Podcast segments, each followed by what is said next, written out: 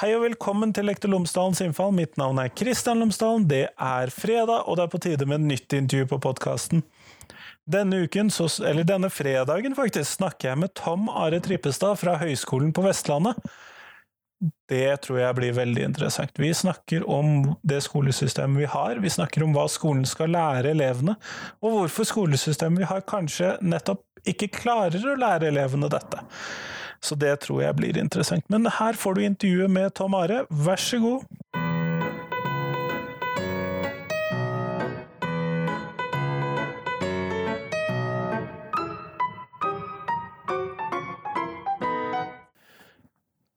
Tom Are Tripstad, tusen takk for at du har tatt deg tid til meg i dag.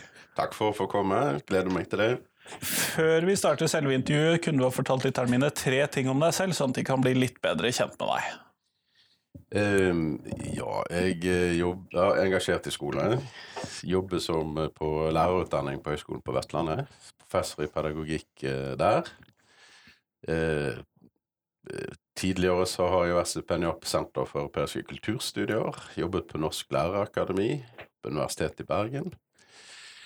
Eller så har jeg vært vinjournalist i Bergensavisen i 15 år. Restaurantanmelder. Og en ganske habil close-up-tryllekunstner. Ja. ja, nettopp. Eh, det var mye der som jeg ikke visste. Gøy. Ja. Eh, dagens tema er rett og slett den skolen vi har i dag, den skolen vi trenger osv. Og, så og du har rett og slett bedt meg om at vi kan starte med det siste spørsmålet først. For jeg stiller jo alltid et spørsmål på slutten av podkasten som går igjen fra podkast til podkastepisode. Og det er hva er de tre viktigste tingene skolen skal lære elevene, og hva mener du er de tre viktigste tingene? Så Til den første tingen så har jeg lyst til å gå til uh, underkjent side ved, ved Rousseau. Og da må jeg gi litt kontekst til det, for, for å så eh, på en måte lage et svar til Hobbes, som mener at mennesket er egoistisk og slåss eh, etter ressurser, så vi får få ressurser å fordele så mennesket er alltid en gravitasjon i borgerkrig mot hverandre. Så du trenger en utvendig suveren for å holde folk i tukt. på en måte. Kongen av Guds nåde osv. Absolutt. Og mye av den, disse teoriene ligger i dag i den, de økonomiske modellene som styrer skolen, er bygd på Hobbes sin, sin lest. Det heter homo economicus-modellen. Uh, så, men Rousseau nå forsøker å svare Hobbes og sier på en måte at mennesket er på en måte egoistisk, ja, men ut av egoismen så vokser det en egenkjærlighet. Og fordi du har egenkjærlighet, så kan du òg se og observere andre sin kjærlighet til seg selv. Og når du da ser det går noe galt med de andre, så skjønner du òg at det kan ramme deg selv. Så på en måte så oppstår solidariteten i egenkjærligheten. Eh, og det er det som ligger i det kristne nestekjærlighetsbudet, sier hun, så elske andre som seg selv forutsetter egenkjærligheten. Og eh, For å skape solidariske mennesker så må vi da skape elever som har egenkjærlighet og selvverd. Men så oppstår det en falsk form for egenkjærlighet, sier hun så. Eh, og det er den egenkjærligheten du får ut ifra privilegier eller utvendige lover og regler som deler menneskene inn på en urettferdig måte. Og Da kan vi jo gå rett inn i skolen i dag og si det viktige i skolen Alle som møter elever som har store problemer, vet at egenkjærligheten deres er rammen, og selvidentiteten deres er rammet på en eller annen måte. Ofte da, dårlig selvtillit. Ofte dårlig selvtillit. Så det at skolen gir elevene et robust selvbilde og egenkjærlighet, det tror jeg er helt fundamentalt. Men da har vi jo problemer med at hvis vi lager et skolesystem som baserer seg mye på målinger og på rankinger og på meritokrati, da kan vi få den falske egenkjærligheten som Rousseau snakker om, og med det kan mange samfunnsproblemer begynne. Så altså, det aller viktigste, synes jeg, er egenkjærligheten, og å ta vare på det. Det andre i skolen er jo at vi har en, eh, en elever med en voldsom talentspredning og voldsomt talenter. Så jeg har ikke noe imot konkurranse, for det kan gjøre oss, oss godt. Men det å bare lage noen få konkurranser i skolen, som bare noen få elever kan vinne, fordi vi bare fokuserer på noen få fag, eh, det innebærer at vi eh, rammer selvtilliten og motivasjonen til veldig mange elever. Og det har vært et problem med mange trekk med utdanningen nå, at når du fokuserer på nasjonale prøver, på noen få fag, lærerne som underviser de fagene blir belønnet, kunst- og håndverksfag, musikk, alt dette blir nedprioritert på skolene. Det gjør at vi ikke tar vare på talentspredningen vi har blant uh, elevene. Så det å gi verdsetting til veldig mange av fagene og veldig mange av perspektivene og talentspredningen, det tror jeg er det andre viktige perspektivet på en, på en skole. Og Det tredje igjen er på skolen for å få kunnskaper og ferdigheter. Akkurat så egenkjærligheten må en altså lære seg å få kjærlighet til kunnskap. Og bli lært hvordan kunnskap kan åpne verden for deg hvordan den kan bidra til et solidarisk samfunn, og hvordan du sjøl kan skape deg mening med kunnskap.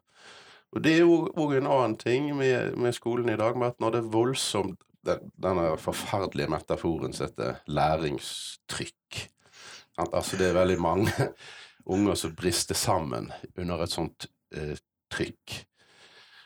Og Det medfører jo at veldig mange går veldig fort gjennom kunnskap. Kunnskapen er delt inn i veldig små deler. Eh, du skal gå fra prøve til prøve til prøve til prøve. Det gjør jo at du ikke får ta i bruk kunnskap. Altså, selve, altså meningen med kunnskap forsvinner. Du får mye encyklopedisk kunnskap som fort går inn og fort går ut.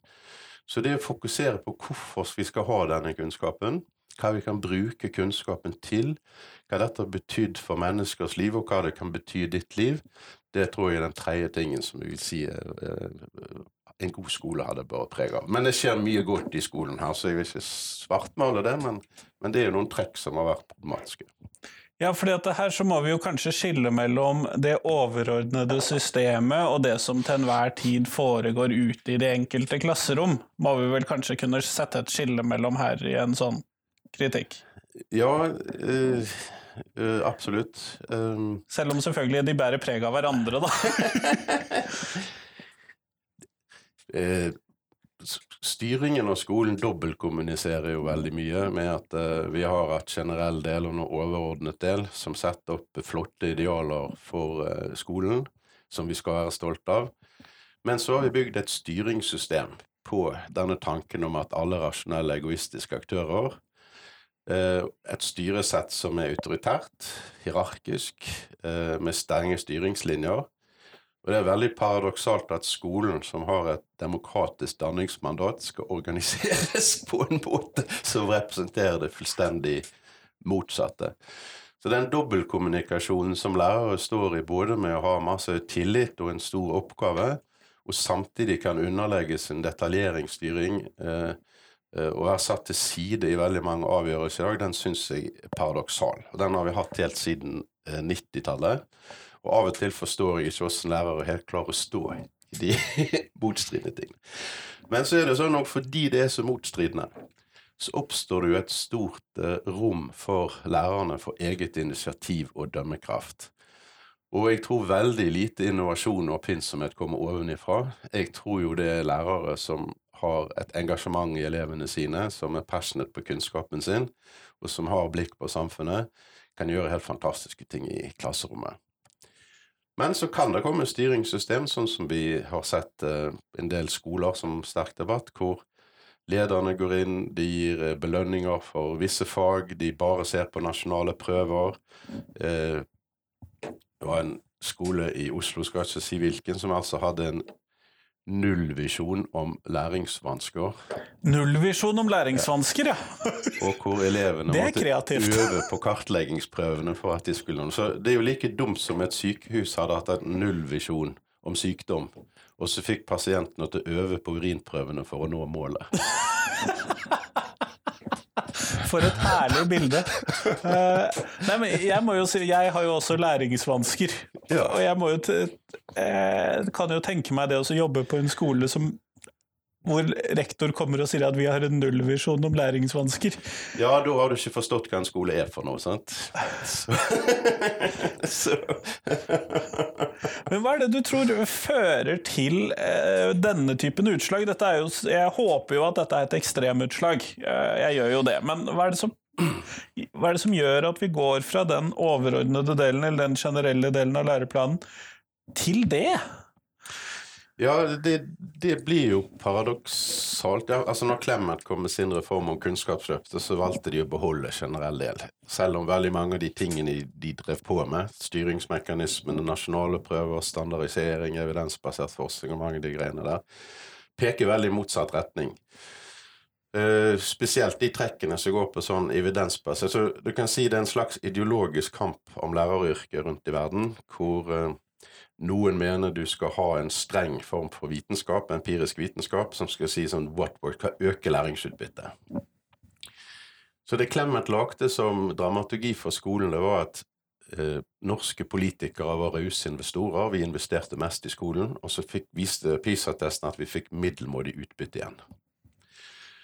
Så da tenkte jeg hele produksjonslinjen for investering til utbytte, der var det noe galt i midten. Så for å åpne de svarte boksene og for å trimme produksjonsleddene, så måtte du ha såkalt evidensbaserte vitenskaper.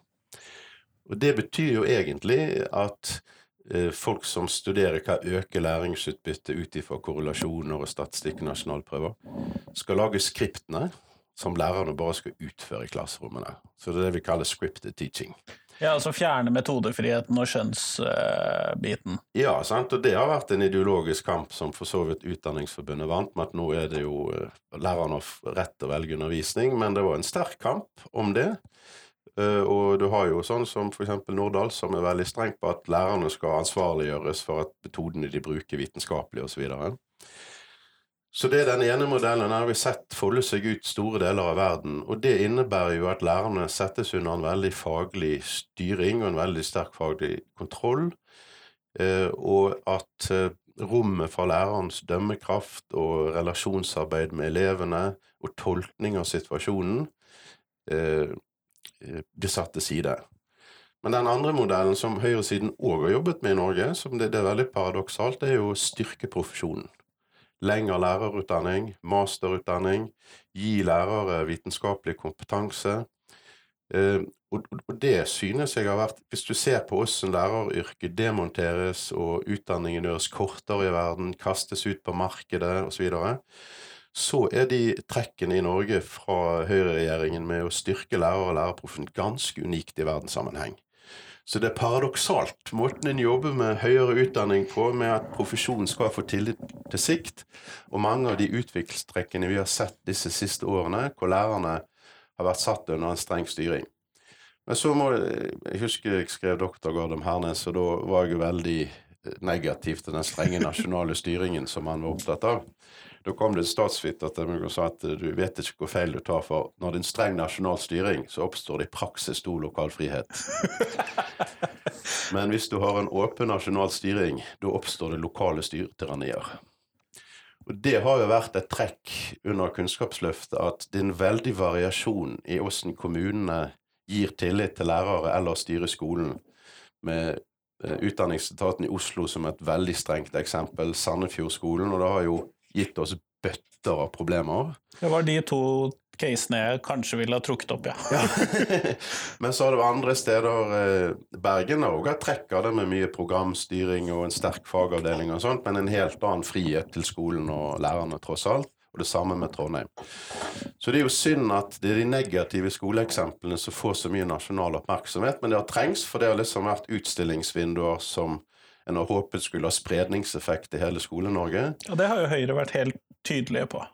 Ja, For meg er det underlig at Høyre så har gitt sånn politisk eh, støtte og klarering til det angrep Altså, de bruker angrep på lærers ytringer med arbeidsrett. Eh, den strenge styringen av skolen som har vært der. Eh, direktørveldet i utdanningsetaten. Den strenge styringen.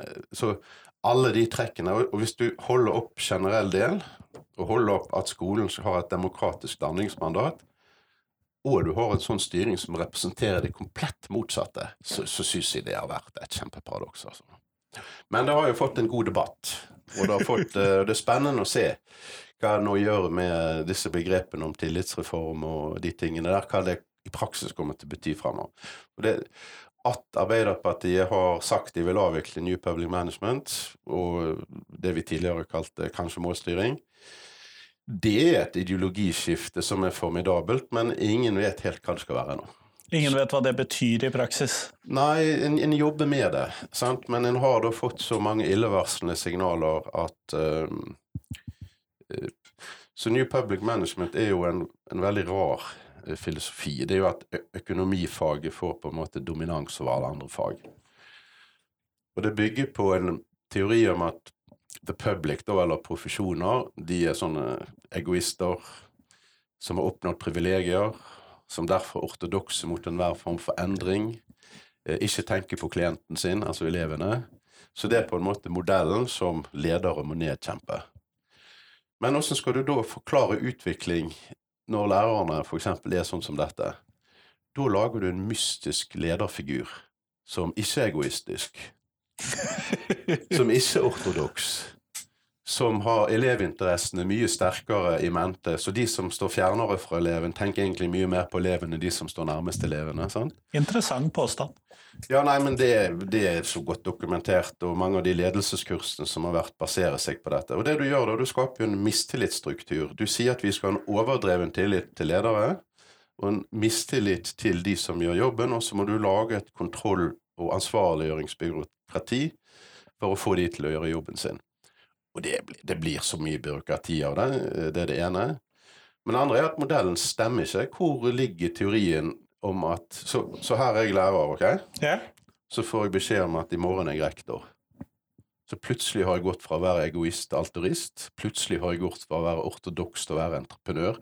Altså, hvor, hvor er det disse ferdighetene utvikles?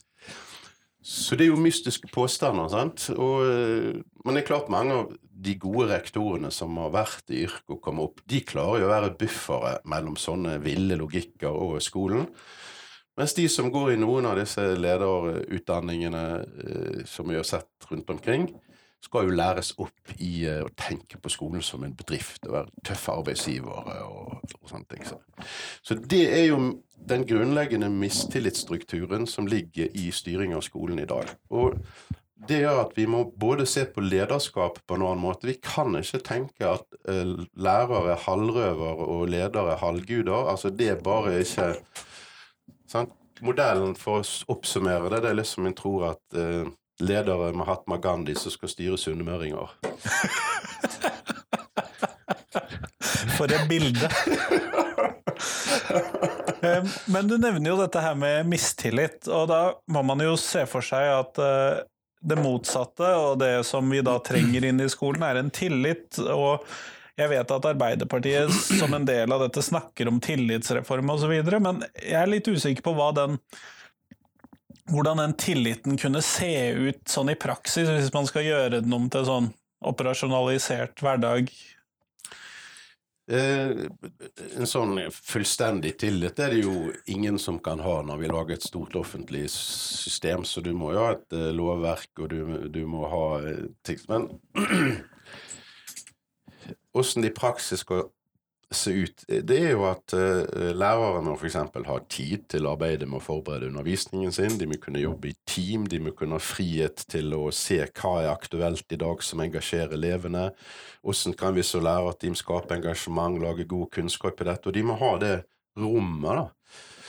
For uh, kan jeg gi deg et eh, Star Trek-sitat nå? Ja, ja. med glede.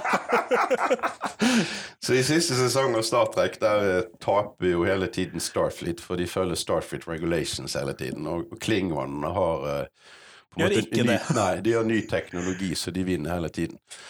Så de må sette inn en radikal uh, general som skal lære offiserene opp i ny tenkning. Og han gir de følgende motto. Lover er for lakeier, kontekst er for konger. Et klasserom helt ontologisk i en skiftende situasjon, en kontekst. Så du må ha et repertoar for å kunne gå inn i det og spille det godt. Og det går med masse lover og forskrifter og vitenskapelige skript for å møte en klasse, en helt absurd situasjon. Da blir du lakei under loven. sant? Så, så det er jo eh, systemet som er enige om gir lærere god utdanning, eh, sertifisering, skape et godt etter- og videreutdanning. og på 90-tallet, når første striden med lærerne kom, så ville jo nesten ikke lærerne til etter- og videreutdanning, eller det ble sterke konflikter om når det skulle gjøres. Så lærerne var en gruppe som hadde lite etter- og videreutdanning. Eh, måten det skjedde på nå, forstår jeg har vært veldig provoserende, og jeg støtter det. Jeg syns ikke det var så retorisk klokt. Men at har at rektoren og kommunene venner seg til at lærerne skal ha påfyll, de skal få sjanse til å opprettholde kunnskap, til å utvikle lidenskap og skal ha frihet i klasserommene. Det må ligge i denne tillitsreformen. Det andre er det som vi kaller oppdragsfokus hos ledere. Du vet at etter første verdenskrig, når generalene satt langt bak og bare planla og aldri var med soldatene sine, så ble de grusomme. Så de måtte rett og slett oppfinne det på nytt, og den utviklet da var feltgeneralen. Det var generalen som var i felten med soldatene sine og så problemene sammen med soldatene sine og løste det sammen. Og Det var tre dyder initiativ, hurtighet og dømmekraft som var de viktige dydene der. Det som trengs for å vinne en kamp. Som trengs for å vinne en kamp, og det er en daglig kamp i klasserommet. så det er veldig viktig i en tillitsreform at vi klarer å dytte ressursene fram til førstelinjeleddet. Og eh, vi har det som heter problemformuleringsprivilegiet. Så den som har makt til å si hva problemet er, får ofte monopol på løsningen. Og det vi har sett i flere tiår, er at politikerne har fått makten til å si hva problemet er i skolen, og komme med løsningene. Vi kaller det politikkprimat i forskningen. Mens de problemene som lærerne oppdager, og de førstelinjeledere oppdager, de står langt nede på rangstigen i forhold til de problemene som en velger å arbeide med gi deg det, kanskje det styggeste eksempelet på det. Det var at når generell del kom og Reform 94 eller 97, så var omtrent ikke det flerkulturelle perspektivet representert. Det var fordi det var en reform som, eh, som ønsket seg tilbake til det gamle fellesskapet. Så på vår egen tid som en forfallstid, som var en gullalder med en forfallstid. Så skulle en restaurere det norske samfunnet med å fokusere hardt på norske verdier igjen. Har ingenting imot norske verdier, altså. Men det underkjente fullstendig det at i hvert klasserom så satt det elever fra mange kulturer nå. Så lærerne sto uten støtte til det arbeidet i, i tiår. Men det medførte jo at skolene måtte finne ut av dette sjøl. Så hvis du skal finne ut åssen dealer du med disse tingene i dag, så er det viktig at vi griper fatt i hvilke skoler som har tatt fått gjort dette? Hvordan har de gjort dette?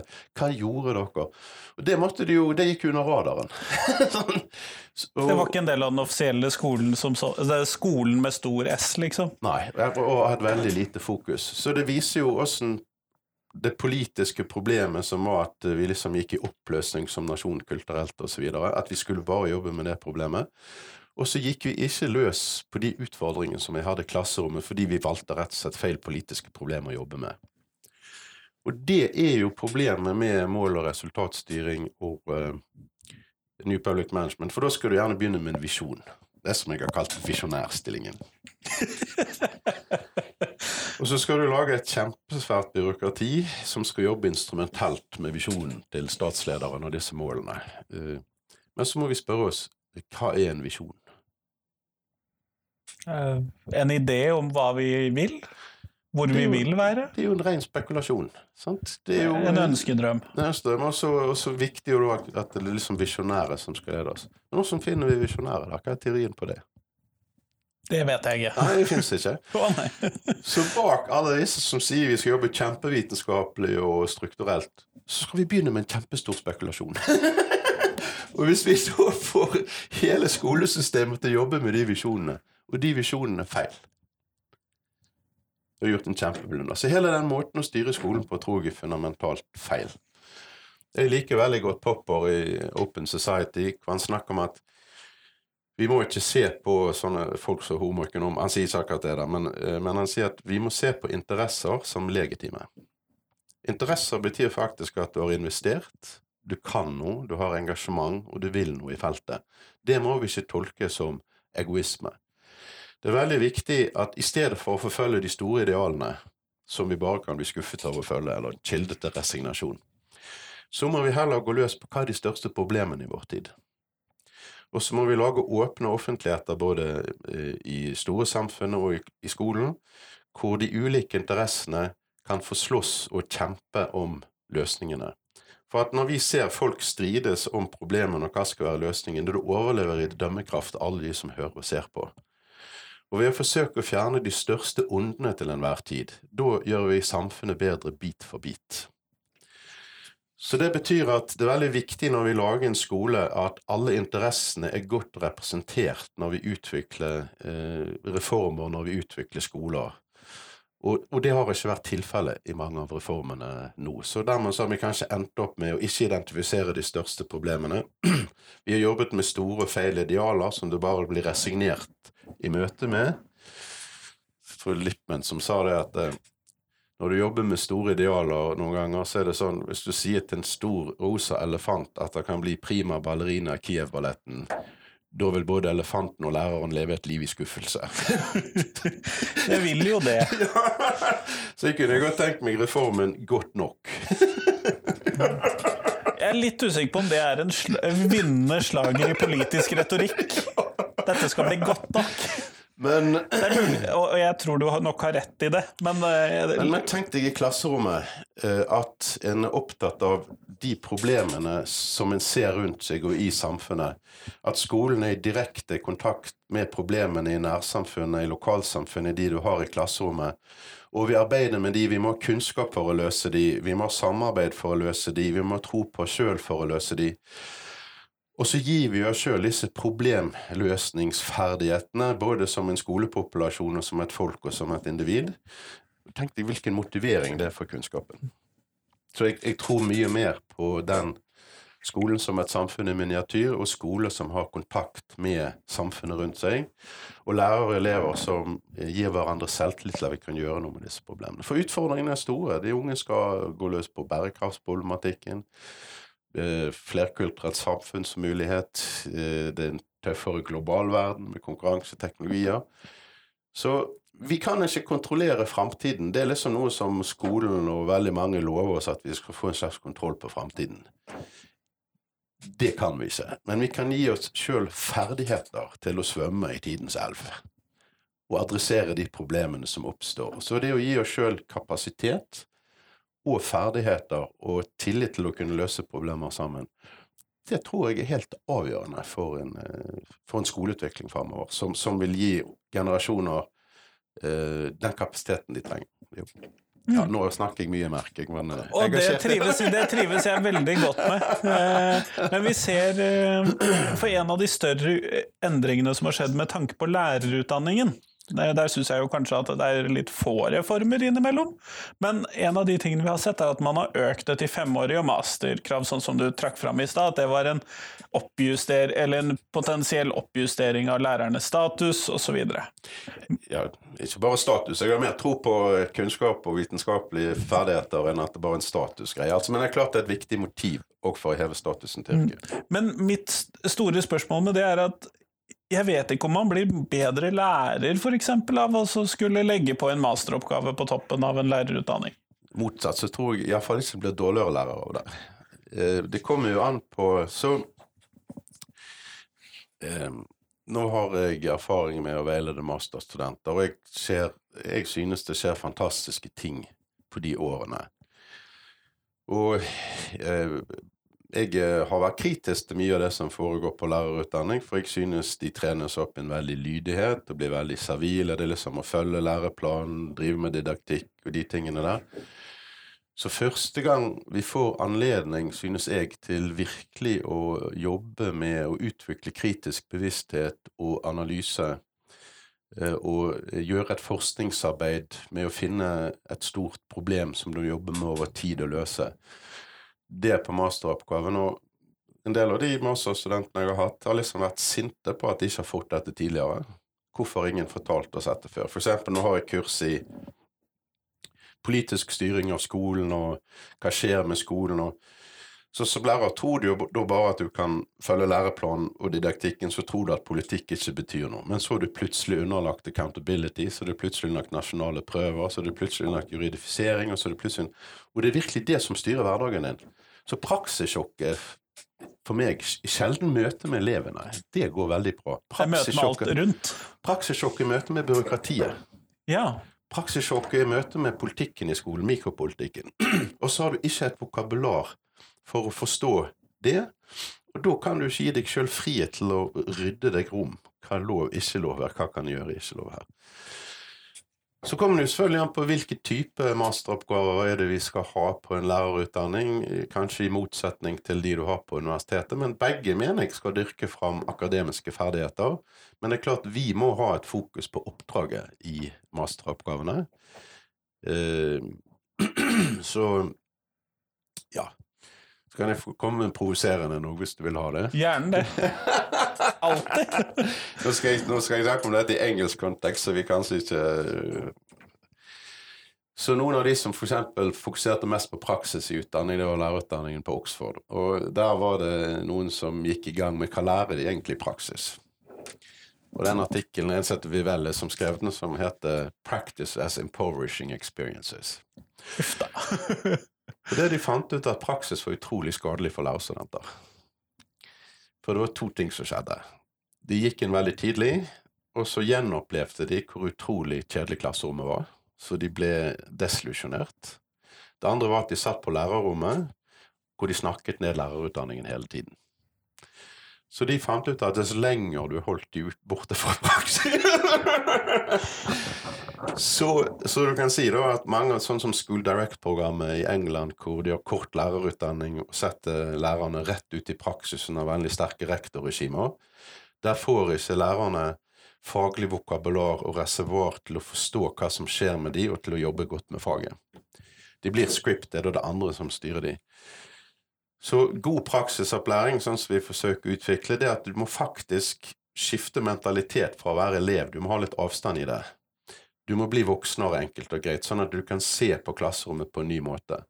Og da trenger du ofte et nytt vokabular, nye begreper, sånn at du ser situasjonen på en modnere måte, og du må arbeide med praksis etterpå, hva som skjer her. Og En observerer jo ofte både veldig god praksis i skolene, men en kommer også tilbake som lærerstudent og observerer veldig betenkelig praksis. Så det er en sammensatt erfaring. Ja. Og det vil si, jeg tror master oppgaver, da, hvor du kan på en måte Mange av de skal jo handle om å være i praksis og jobbe klasseromsrelatert og skolerelatert. Nettopp gir den muligheten da, til å få eh, vokabular, til å arbeide med et problem. Og, og et problem akademisk er ofte sånn at det er et vindu inn til mye større tematikker. Så du får satt sammen tingene. Så jeg har stor tro på masterutdanningen. Men det er veldig viktig Nå er det ikke finansiert. Vi vet ikke hvor mye tid vi får bruke på det. Og vi har mange lærerstudenter som er veldig opptatt av eh, praksis og kommer raskt ut i yrket og på en måte har ikke den akademiske interessen. Så, så der ligger akilleshælen oppi dette. Hvordan skal vi ta imot studenter som kanskje ikke har den akademiske interessen? Så da må vi gjøre masteroppgavene mer relevant, sånn at det treffer de studentene. Og samtidig må vi bygge opp et sterkt akademisk miljø for de som har gode akademiske ferdigheter og ønsker å gå videre et forskningsløp. Så jeg støtter veldig denne lærerutdanningsreformen som vi har nå. Men slik jeg da tolker deg, så er det ikke nødvendigvis for å gjøre den enkelte lærer til hva skal vi kalle en At man får mer eh, ferdigheter til å være i selve klasserommet, men mer den kritiske refleksjonen over egen praksis og samarbeid og systemet osv., som er det som særlig vinner på dette, da. Jeg, jeg tror du får begge deler. Altså, du, har jo, du har jo eh, veldig mange master i fagdidaktiske oppgaver. Sant? Hvor eh, du får tid til å gjøre en ordentlig fagdidaktisk arbeid. Jeg jobber med pedagogikk, og da er jo disse tingene som pedagogisk filosofi, menneskesyn, kritisk blikk på samfunnssyn, styring, profesjonsteori Veldig mange av de tingene har du bare godt av. så, så, så, det skader deg ikke i det hele tatt. Og når en kommer i kontakt og ser hvor betydningsfullt det er for yrkesutøvelsen, så, så mener jeg det gir deg mulighet til å bli politisk bevisst, fagpolitisk bevisst, til å ta et sterkere agency for elevene, når du skjønner hva det er som treffer dem. Mm. Men eh, vi står jo nå midt oppe i en situasjon hvor vi nå skal innføre eh, en ny reform. Ja. Det er min uh, tredje, så vidt jeg kan huske, i skoletiden. Siden ja. jeg begynte på skolen rett før uh, L97. Eller Reform 94. har vi hatt fire, så vi slår dere der. ja. men hvorfor har vi disse tiårlige eller åtteårlige reformene? Ja dette holder jeg lange forelesninger om, så må jeg fatte meg i kortet. Det er jo dette ved at vi skal ha så store reformer, eh, det er problematisk i et demokrati. Fordi uh, uh, ulike politiske regjeringer de skifter jo hele tiden. Så før en reform har sjanse til å lykkes, så er du i gang med en ny reform. Og da jobber ofte skoler eller vi på lærerutdanning vi jobber med å fase ut én reform samtidig som vi jobber med den nye. Så du har hele tiden et dobbeltarbeid med parallelle reformer. Det andre problemet med den reformhyppigheten er jo at uh, fordi du reformerer alt samtidig, så vet du egentlig ikke hva som virker eller ikke virker. For du, du forandrer alt hele tiden. Så det fratar oss mulighet til systematisk læring. Og så er det sånn at én reform egentlig ikke erstatter den forrige i Norge. De legger seg bare som geologiske lag oppå hverandre. Så for eksempel, det var bare ett kull som gjennomførte L97. Ja. ja. 91-kullet, eh, da. Ja. Eh, men så eh, Men det som var problemet da, var jo at når da så kom jo Krist, og det var jo en veldig streng nasjonal læreplan med veldig detaljerte fagplaner. Men de var jo så detaljerte at ingen lærere kunne følge dem. så i praksis så tok en seg store friheter rundt omkring i skolen med de læreplanene, selv om de var veldig detaljerte. Men så kom Clemet inn, og så skulle hun lage lokale læreplaner på hver skole. Men hun ga jo ikke skolene tid til å få kompetanse på lokalt læreplanarbeid, til å utvikle læreplaner. Så hva skjedde da? Da tok hun opp eh, planene fra L97 for første gang! og jeg har på hver eneste praksisskole jeg har vært ute på, så har jeg spurt hvordan lagt dere lokal læreplan på denne raske tiden, og da sa de at de gikk rett til fagplanene i L97. Så du kan si Kunnskapsløftet var kanskje gjennomføringen av L97! så dette tar jeg på et anekdotisk plan, altså. Men, eh, men, det viser på en måte disse geolog geologiske lagene som ligger oppå hverandre. Men så er det jo ting som slår hardt inn. Jeg har aldri glemt Det er jo en skole her i Bergen som jeg eh, Du ser veldig stor variasjon når du er ute på skoler. Eh, og det er mye større forskjeller ofte innad i skolene og mellom skolene. Så det var en lærer som når eh, jeg hadde vært rundt med studenter som jeg alltid gikk til til slutt for å få motet og livsgnisten tilbake. Hadde fantastisk pedagogikk. Klasserommet var satt opp med stasjoner, og åpne plasser, de beveget seg, de samarbeidet. Ja, så jeg så gledet meg over både den klassiske læringen der og alle ting. Og så var jeg syk et par år, og så kom jeg tilbake, og da sto alle pultene på rad og rekke, og elevene satt og skrev. Da hadde en innført nasjonale prøver. Og Da sa denne læreren som jeg holdt, hadde holdt opp som eksempel, er det ikke søte der de sitter med de krumme ryggene sine og øver? Så dette var bare en ambisiøs lærer som under ett regime hadde fått til en fantastisk pedagogikk. Under et annet regime som hun var lydig til, så drev hun med, med repetisjon, pugg, alle de tingene der. Så det er jo ingenting som styrer skolen mer enn vurdering. Sant? Og det å lage sånne vurderingsmekanismer, måten det slo inn og slo bein under utrolig mye annen god pedagogikk i norsk skole. Og så fikk du lokale lønnstillegg basert på hvordan lærere gjorde det på nasjonale prøver, og så fikk rektorer enkelte steder bedre skoler og større skoler hvis de gjorde det her. Og da blir jo elevene et strategisk virkemiddel for de voksne sine karriereveier. Og vi, vi kan velbegrunnet rette en mistanke mot åssen det står til på skolen her. Og så må du så innføre du fritt skolevalg. Da må ingen uttale seg negativt om skolen, for skolene må velge dette. Lærerne må ta ytringer opp i det, ødelegge merkevaren osv. Så, så så mye av de styringsmekanikkene som er innført, som har, kan ha gode sider, men de har potensielt veldig korrumperende effekter på det som er kjerneoppdraget i skolen. Og det har vært eh, utviklingstrekk som har vært bekymringsverdige disse årene, altså. Det må jeg si, det har jeg engasjert meg mye i. Det har jeg jo sett. Og det å se på læringsutbytte å ha ledere som Altså, det ordet er en sånn språklig arsenikkpille som du tar litt av hver dag og ikke skjønner at du blir forgiftet av det. Altså, hva pokker betyr utbytte? Vi sender jo ikke ut læringsutbytter av skolen, vi sender ut mennesker fra skolen. Unge mennesker som skal ha danning, samarbeid, tro på seg sjøl. Og, og så lage sånne eh, ville Ja. Så eh, Roland Barths kaller dette for sånn uh, borgerlig regnskapsmessig moral. Du har en investering, og så vil du ha et forventet utbytte. og Hvis du ikke får det utbyttet, så ligger det en skandale et sted. og da må du identifisere de personene som er skandaløse oppi dette. Og det blir jo ofte læreren da, eller skoler og sånn. De brysomme, uttalende enkeltlærerne. Ja, og, og, og, det er jo Hvis du ser historisk på det, så er det jo lærerne som har hatt den sterkeste offentlige stemmen i Norge, som bar de offentlige debattene, og har vært eh, major, altså de, den yrkesgruppen som har vært mest representert på Stortinget, f.eks. Så måten først 70-tallet på gjorde at lærerne trakk seg tilbake, jeg vet ikke helt hvorfor, og senere måten disse styringsmekanikkene så å si ser på offentlige ytringer som eh, truende fra skolens merkevarebygging, det er jo eh, negativ utviklingstrekk. Altså skolen skal jo være en demokratisk modell. Det må jo bety at lærere skal være ute i offentligheten og være gode modeller for hvordan en opptrer der. Når de tuktes, hvilke så, En lærer som er tuktet til taushet, skal stå og være modell for eleven i klasserommet i demokratitenkning, det er jo eh, jeg, jeg synes det er absurd.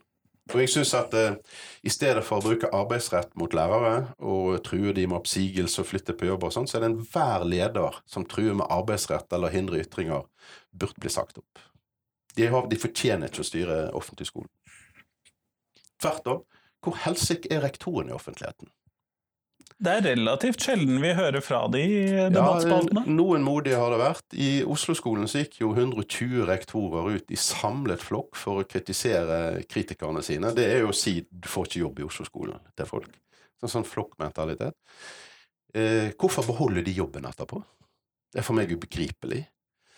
Eh, og eneste gangen du så de gikk ut på eget initiativ, det var jo rektorer i Oslo som gikk ut og fortalte hvor store problemer de hadde i skolen pga. fritt skolevalg. Så de ville forandre finansieringssystemet. Og disse rektorene som hadde tjent på finansieringssystemet på vestkant, første gang de gikk ut, det var når de liksom skulle miste privilegier og overføre penger til de skolene som fattet opp i dette.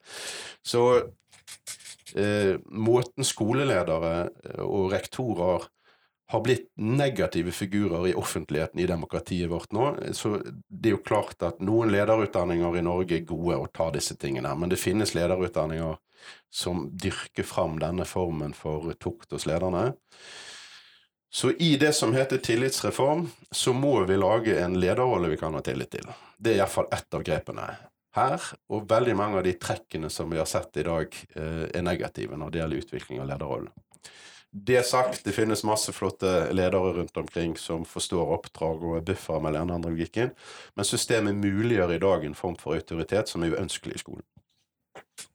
Kjempeflott. Tusen takk for at du tok deg tid til meg i dag, Tamare. Du, hyggelig å være her.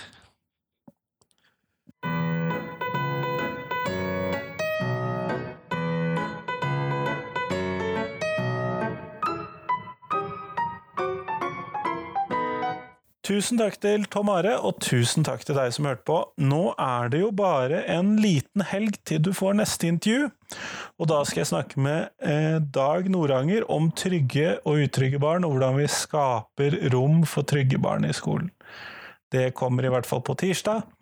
Men fram til da så hadde jeg håpet at du kunne sende meg et tips om eh, hva du vil høre på podkasten, fordi at jeg trenger alltid nye tips. Det fins utrolig mange interessante skolemennesker der ute, enten de jobber i skolen, eller forsker på skolen, eller er foreldre i skolen. Kanskje er det deg jeg vil høre på, uh, snakke med. Send meg i hvert fall et tips, det blir jeg utrolig glad for. Men i hvert fall, fram til neste uke så får du ha en fin uke.